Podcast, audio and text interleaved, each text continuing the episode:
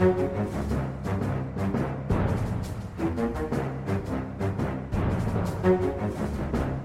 skal vi velkommen eh, til en ny sånn partilederspesial som vi har. Vi har jo hatt med Trygve Slagsvold Vedum og Erna Solberg, og i dag har vi med Siv Jensen. God dag, god dag.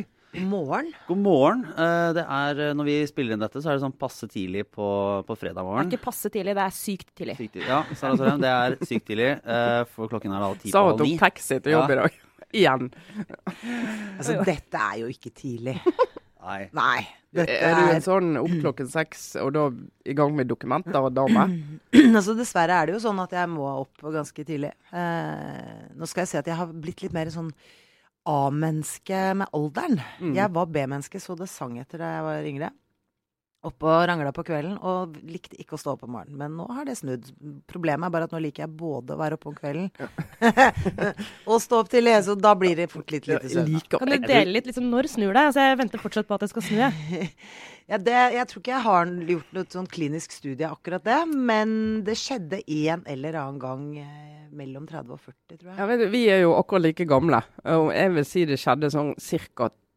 37. Mm. 38-37. Plutselig ble det sånn at eh, jeg klarte ikke å sove til 11 om lørdagen lenger. Mm. Bare våknet av meg sjøl Ja, og så får sånn helt kryperen må ut av senga. Ut av senga. Ja. Kan ikke kaste vekk dagen og livet. Nei. Kan vi røpe at det er altså dere to på den andre, andre siden av bordet, uforskamma våkne. Jeg er ganske trøtt, og Lars, jeg antar at du også er det, men vi skal gjøre vårt beste. Ja, ja, ja. Men har du, eh, kommer du fra jobb nå, eller kommer du hjemmefra? Du jeg kom faktisk hjemmefra. Ja. Eh, I dag fikk jeg lov å ta det litt rolig hjemme før eh, jeg skulle hit til dere. Så takk for at eh, dere la til sendingen akkurat nå. Ja, ja. Det var egentlig det var Trine som ba meg spørre om det, for hun har vært og trent eh, i morges. Oh, ja. Ja, men det er bra. Har du det? Så fikk vi sagt det, liksom. Du kan bli så kry. Det gjorde jeg i går kveld. Ja, da. du gjorde det i går kveld, ja. Ja, ja. Nei, da gjorde jeg noe helt annet. Ja. Men eh, hvordan, kan du ikke si litt eh, bare hvordan det er å være i valgkamp nå? Hvordan eh, trives du med det? Er du, er du sånn som er glad i å, reise rundt og Ja. få folk? Ja, jeg syns valgkamp er fantastisk gøy. Altså, det skal jo ikke stikke under en stol at vi nå er eh, inne i fasen for nervepirrende dager. Det er skikkelig thriller, dette her. Det er spennende. Det er så close race, så det er nesten uansett hvilken måling du ser på, så er det ja, alle mann til pumpene, altså. For at Men hvordan arter det seg når du sier det, det er spennende, for dere sitter dere med alle målingene og liksom Nei, altså De har jo ikke tid til å sitte og dissekere alle målinger, Nei. men uh, du tar jo et raskt blikk på alle, og så ser du jo en trend og en utvikling. Poenget er at det er jo kjempe, kjempe-close. Og det er så få stemmer som avgjør. Og så er det mange som ikke har bestemt seg, og så mange som sitter på gjerdet. Så her kan det bli kjempestore utslag. Så jeg tenker at folk må jo gå og stemme, sant? hvis de mener Hvis de virkelig mener noe om eh, eh, samfunnsdebatten og om hvilken retning eh, Norge skal gå så er det ikke lov å sitte hjemme. Altså, da må man gå og stemme. Men det er ikke så eh, lett, men det er ikke så lett denne gangen. Altså, det er, det er, eh, for noen av oss, i hvert fall. Altså, det, er litt, det er et eh, relativt uoversiktlig landskap, det. ja, syns du det? Hva er det som er så uoversiktlig? Men, men jeg tror det er noe med samarbeidskonstellasjoner og litt sånn at du liksom må forholde deg til et helt sånn, en hel flokk med folk, uh, uansett hvilket parti du velger. Ja, men så prøve å gjøre det litt enklere, da. På den ene siden av uh, skalaen så har du jo de sittende, den sittende regjeringen og samarbeidspartiene. Som ønsker at det skal fortsatt være et uh, ikke-sosialistisk styre. Det er relativt greit å forholde seg til, også fordi det har vi hatt i fire år. Det kjenner vi. Det går bra, det er trygt og ordentlig, og det bør man eh, stemme på. Vanvittig bra Og så, hva skal du si om de andre? Og så har du kaoset. Ja, på den andre siden.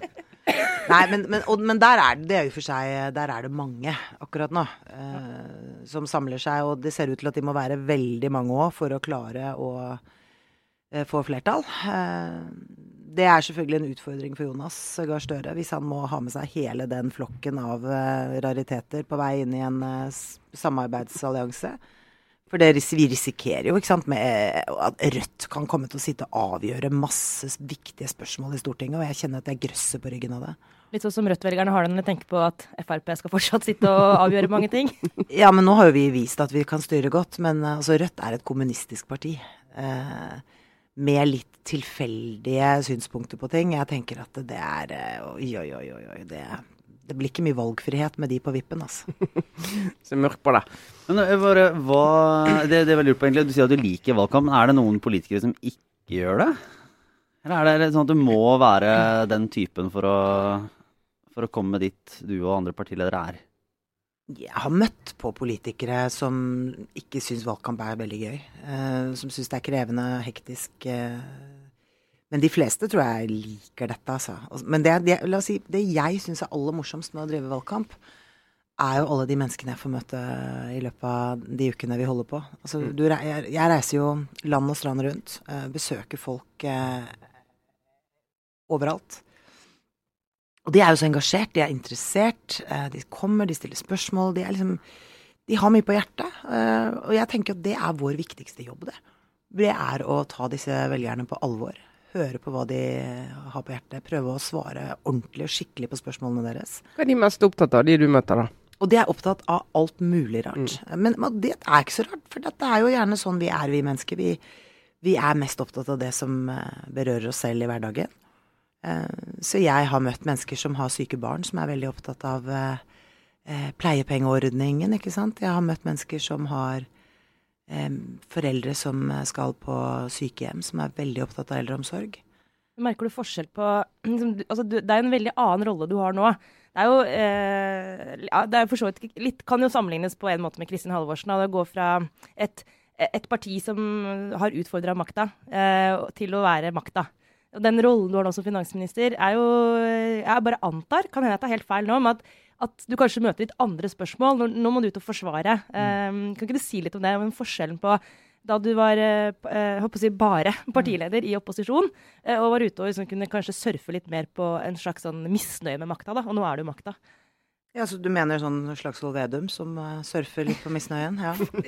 Gjerne det. Altså- det Så later han som han har glemt at han satt og styrte landet i åtte år rett før det. Ja. ehm, nei, jeg, jeg syns jo egentlig at det er ganske fantastisk jeg, å drive valgkamp fra posisjon. Eh, jeg er jo kjempestolt av det vi har fått til disse fire årene. Vi har virkelig fått til mye. Vi eh, lovet mye før valget i 2013. Og vi har på ingen måte innfridd alle de løftene. Det er jeg helt ærlig på. Men vi fikk gjennom mye i regjeringsplattformen. Og så går det ganske bra. Altså, vi har vært gjennom et, altså det største oljeprissjokket på 30 år. Um, en krevende migrasjonskrise. Liksom begge disse to hendelsene traff denne regjeringen eh, på vårt skift, og vi måtte håndtere det. Så går det nå ganske bra. Pilene peker i riktig retning. Og da blir det jo ikke så krevende, syns jeg, å møte Arbeiderpartiets angrep som bare svartmaler situasjonen. At folk kjenner seg ikke igjen i det. Jeg tenker at eh, det er helt fint å ha en ærlig debatt om hvordan man kan gjøre eldreomsorgen bedre, hva som skal til for å få sykehuskøene ned og sånn. Eh, Og det tror jeg engasjerer folk. Men den, den derre veldige svartmalingen på at denne regjeringen er så grusom, den kjenner jo ikke folk igjen. Men tror du, tror du Altså, der, får du jo, der er det jo en sånn situasjons- og rolleforskjell, da. For det var, det var vel De satt vel sånn i den rød-grønne regjeringen og ikke forsto svartmalingen du kom med da du som Frp-leder ville ha et skifte. Altså, det er, det, er det ikke Det må jo være en Ha litt med utkikkspunktet å, å Jo, gjøre, den, den forståelsen godt, der, da. Jo, det kan godt hende. Men nå, har, altså, nå, nå skal ikke jeg si at jeg, jeg klarer å holde liksom stø kurs hele veien på, på ikke bruke mest energi på å snakke ned andre partier. Men Fremskrittspartiets store suksess gjennom alle år er at vi har vært flinke til å snakke om hva vi vil. Og vi har jo brukt denne valgkampen også på å snakke om hva vi vil. Hvordan vi ønsker å eh, håndtere asyl- og innvandringspolitikken fremover. Ikke bare det vi har gjort. Hvordan vi skal bygge mer veier, ikke bare det vi har bygget. Eh, eh, så vi, vi prøver jo på en måte å diskutere sakene. Men hvor bra syns du det går, egentlig? Men vi, vi har ikke tenkt Altså, det er jo et tema som vi bare Vi kan like godt bare snakke om det med en gang nå, siden du var inne på det. Altså det eh, med din med eh, Sylvi Listhaug sin mm. Så mye oppmerksomhet som hun får i valgkampen. Hvor, hvor bra syns du det går å få frem eh, Du sier nå at dere snakker om saker. Eh, vi er ikke helt sikre på om det er sånn det oppleves for folk, fordi det blir veldig mye person.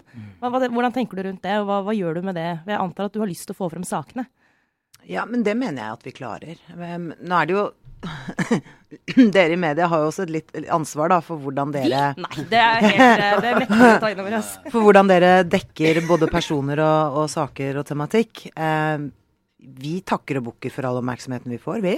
Vi får jo virkelig eh, oppmerksomhet rundt eh, en av våre fire hovedvalgkampsaker, som er innvandringspolitikk. Eh, vi får snakke om det hver eneste dag i alle flater. Eh, det er vi glad for. Eh, men husk på at eh, det skjer veldig mye mer ute i Norge enn akkurat liksom her i Oslos navle. Det å kommunisere med innbyggerne i Møre og Romsdal, det er ikke jeg sikker på om vi gjør best gjennom Aftenposten. Det gjør vi kanskje bedre gjennom Sunnmørsposten og lokale regionale medier som folk leser. Men Er, er lokalmediene mer, mer på sak, er det sånn du opplever det? Mens vi er mer ja. på person? Men, nei, altså, jeg prøvde ikke å beskylde dere for det i og for seg, men, men det er noe med hva man er opptatt av. Når, man, når jeg er i Møre og Romsdal, så er lokalmedia opptatt av saker som er på dagsordenen i, i det fylket. Og der har du sant, eh, masse store, kjente næringslivsaktører som er hjørnesteinsbedrifter, familiebedrifter, eh, som legger igjen masse verdiskaping i de kommunene de er etablert i. Som er med på å bygge idrettshaller, gir masse tilbake til lokalsamfunnet. Og det er jo de bedriftene som blir angrepet av Arbeiderpartiet nå i forhold til debatten om formuesskatt.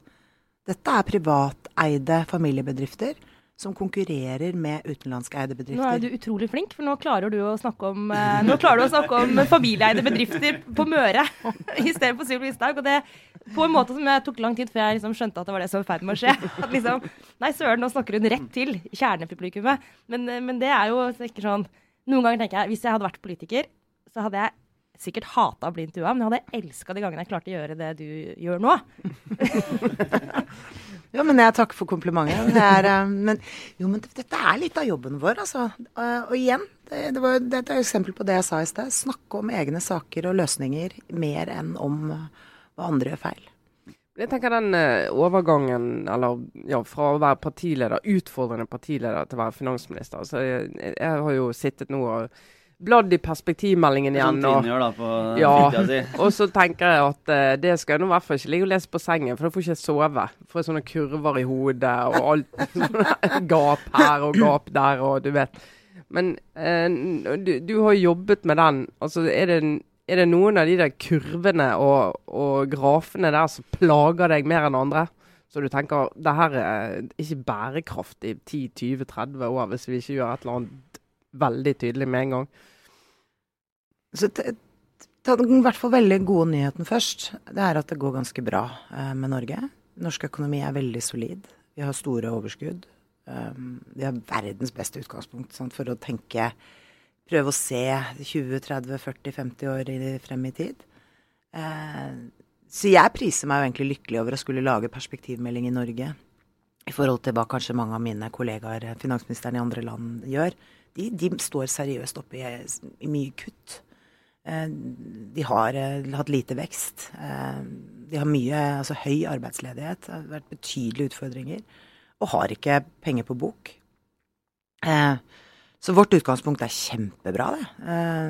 Vi har jo ikke presentert noe sånn dystert kuttregime i de neste årene. Vi mener jo snarere tvert imot at norske velferdssamfunnet, det kan vi vokse videre. Det er, jo no, det er jo noen gap der, da, som Ja. er tydelig. Jo, men gap og gap. Altså, punkt én. Vi legger jo til grunn at norsk økonomi kommer til å vokse videre. Men det er noen premisser for at vi skal få det til. Vi må få flere i jobb. Det er en av de tingene jeg tenker at eh, vi må gjøre en ordentlig innsats på, ikke bare snakke om. Uh, kvinner, f.eks. Uh, det er veldig mange kvinner som jobber ufrivillig deltid.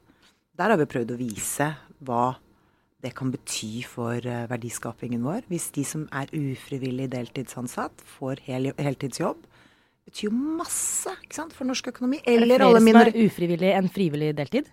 Ja, eller det er i hvert fall en veldig stor gruppe som jobber ufrivillig deltid. Og det handler jo om at man ikke har fått løst den her koden med mer fleksible turnusordninger, f.eks., som man har i mange deler av norsk næringsliv.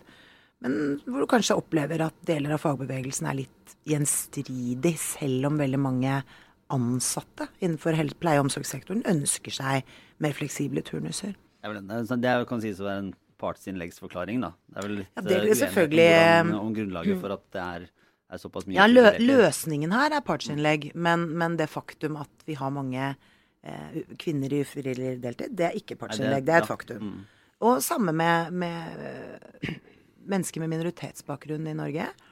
Veldig stor andel som ikke jobber. Vi har jo på en måte prøvd å vise at hvis eh, sysselsettingen var like høy hos eh, mennesker med innvandrerbakgrunn som hos eh, nordmenn, så ville vi hatt 90 000 flere i jobb. Det er ganske mye. og Det sier jo litt om potensialet for vekst i økonomien eh, fremover. Men, og da henger det sammen igjen med eh, hvordan skaper vi de jobbene? Jobbe med inkludering. Må inkluderingsministeren gjøre en innsats, da? ja, men det, det, handler jo, det, handler jo, ikke bare om det. Jeg er enig i at det også er viktig, for det handler om norskopplæring, det handler om kompetanse, eh, og så handler det om disse jobbene. Noen må skape de jobbene, og de bør fortrinnsvis komme i det private næringsliv. Ja. Og da handler det om rammebetingelser. Da handler det om skatt, da handler det om forskning, da handler det om eh, hele kunnskapssamfunnet vårt. Eh, det at vi klarer å eh, gjøre utdanningen relevant for eh, for flere. Det er jo et problem, ikke sant, som vi har snakket om lenge, at for mange unge, og kanskje særlig gutter, ikke fullfører videregående utdanning, ikke fullfører yrkesutdanningen. Mm. Eh, til tross for at vi kommer til å trenge realkompetanse, altså, eller faglærte. Vi kommer til å trenge så mye faglærte i Norge fremover. Da må vi heve statusen til yrkesfagene. Er det, sam, er det samme bekymring du har, Trine? Ja dette, ja, dette har klangbunn hos meg, vet du. For det er jo uh, disse unge mennene vi snakker om, og så innvandrerne. Det er jo det hvis du får de to gruppene i jobb som, som de, på det nivået de mm. skulle vært, andre, så har jo det, det utløst enormt mye timeverk mm. som vi trenger.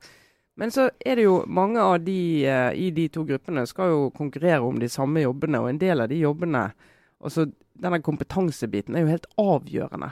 at de litt sånn ufaglærte jobbene som en mm. del av de kunne få før, de forsvinner jo. Og i en rasende fart. Mm. Det er jo kjempeutfordring. Mm. Og det må jo skje så raskt.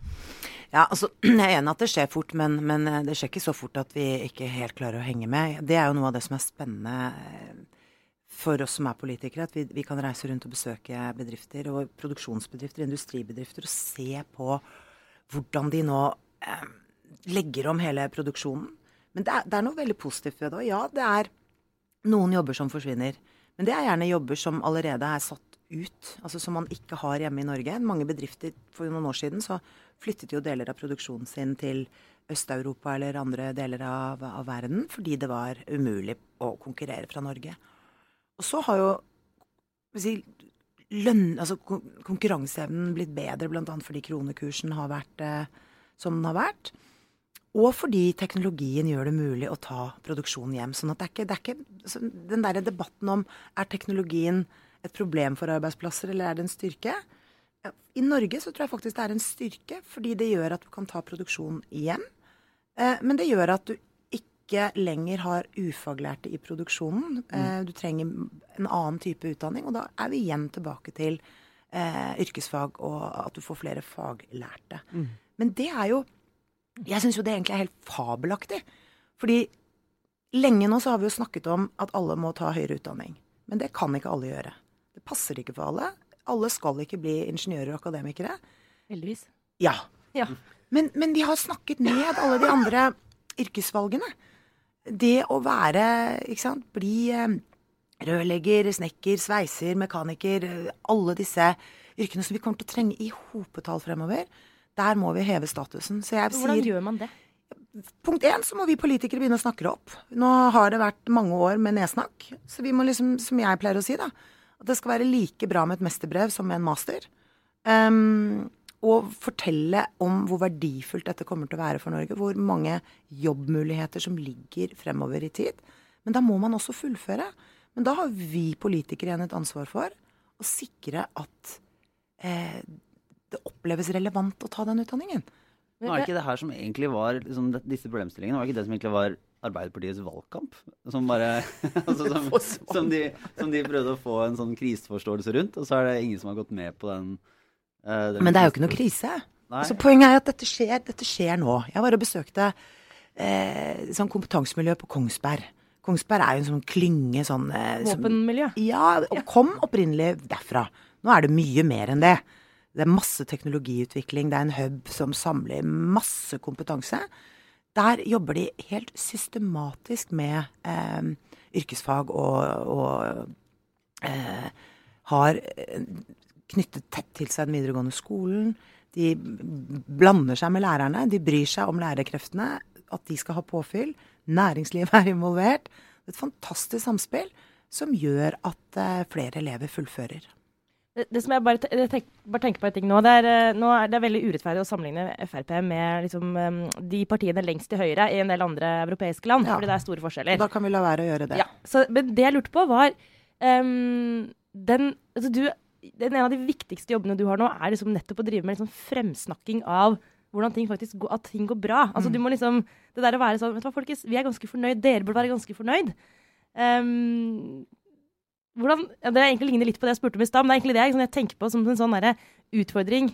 Uh, å selge inn det til uh, Frp. Altså å få liksom det er ikke vanskelig. velgerne.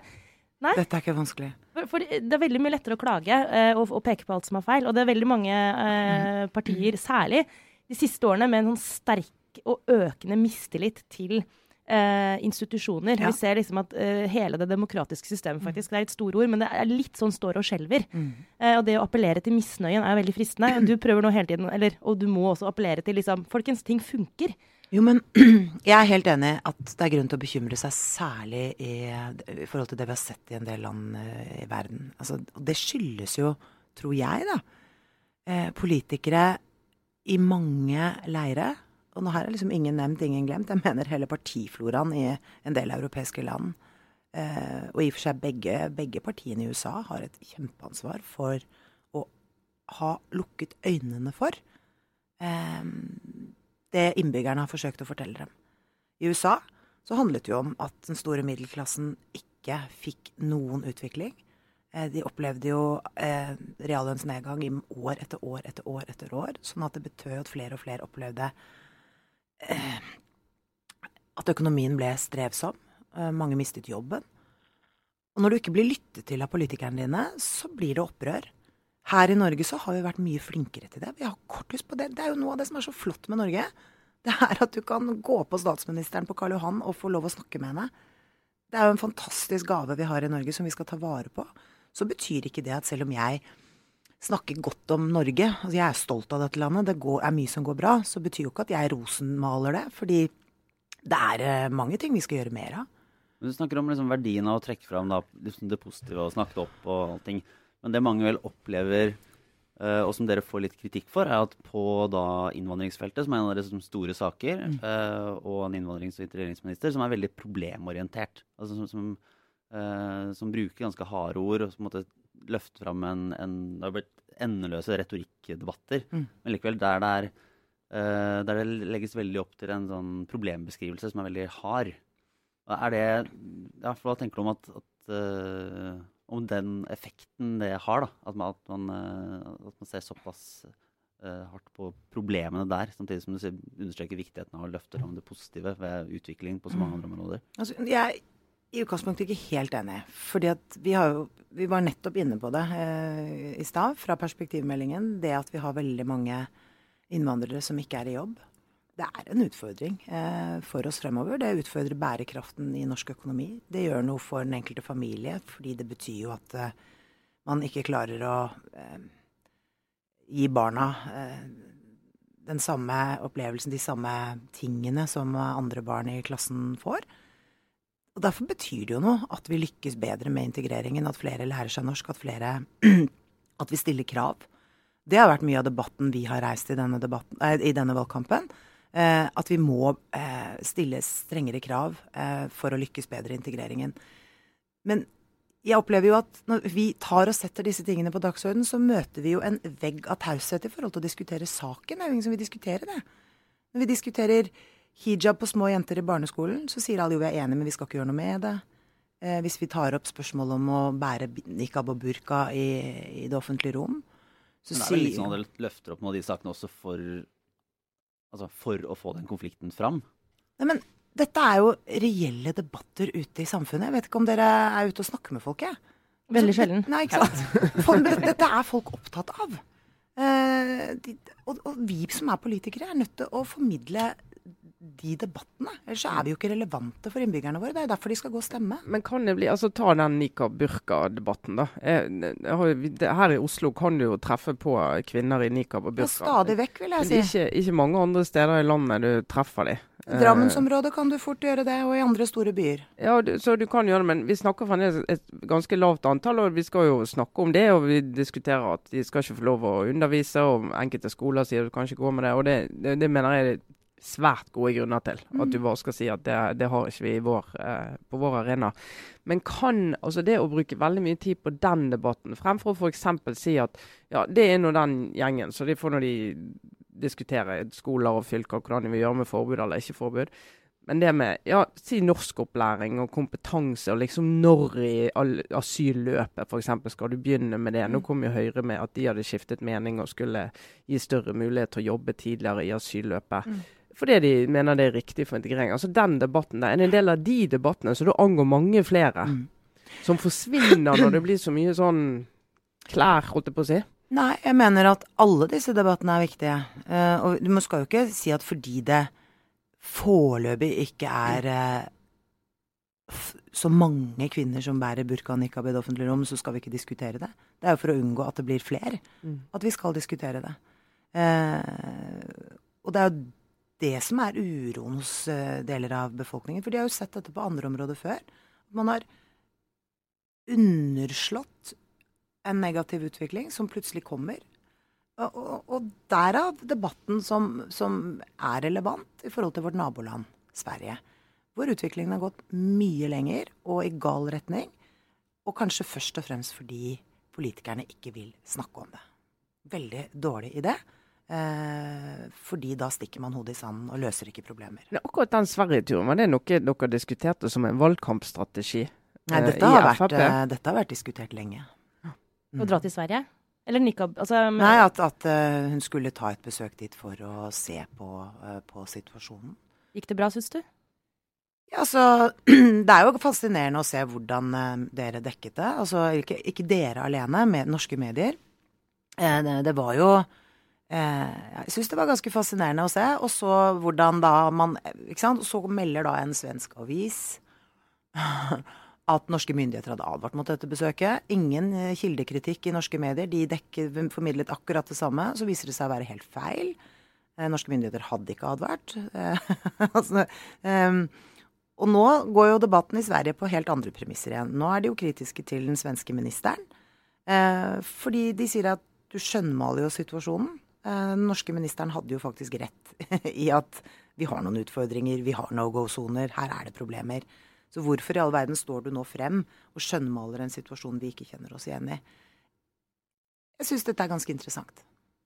Jeg gleder meg til å høre sånn, Jeg vet ikke hvor mange år man må vente på den eh, sånn, historien om hva som egentlig skjedde, både foran og bak scenen rundt alt dette her styret her. Men det, det får vi ikke deg til å fortelle akkurat nå.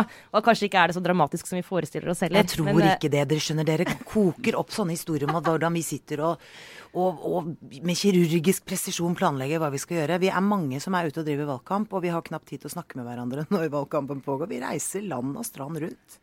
Vi får kanskje bare heller ta det som en kompliment at vi ser for oss at det sitter sånn der mastermind-edderkopp og planlegger akkurat nøyaktig hvordan Frp skal dobbeltkommunisere seg gjennom valgkampen. Jeg er veldig glad for at dere tror at vi er så, så smarte som det. Vi er i er grunnen ganske som- enkle. Vi er ganske vanlig, enkle. Vi er ute og driver valgkamp og snakker med folk, vi. Ja, det er sånn som vi sier. Vi blir så smigret når noen tror vi i mediene har en plan òg. Så det Ja, det får være. Men uh, Svendsen, jeg tror vi skal runde av, for din dag har bare knapt eh, begynt. Da er Hvor skal du nå? Til, uh, til valgkamp. Du, nå skal jeg en liten tur opp i Finansdepartementet og ta unna litt uh, dokumenter. Og så skal jeg eh, Jeg skal ut på et oppdrag sammen med barne- og familieministeren. Og så skal jeg ut på et oppdrag sammen med eh, kunnskapsministeren. Så skal jeg besøke et sykehjem. Så skal jeg på litt valgsendinger i TV utover kvelden. Og så i morgen skal jeg reise rundt i Østfold, og det gleder jeg meg til. Nok en dag. Eh, takk Siv Jensen for at du kom hit til vårt lille partilederspesialhjørne. Så får vi se om vi kan gjøre noe nyttig i dag, vi òg, sånn etter hvert. Så takk for at du kom. Takk for at jeg fikk lov å komme. Mm. Så takker vi Trine Eilertsen, Sara Sørheim og jeg var Lars Klomnes. Ha det bra.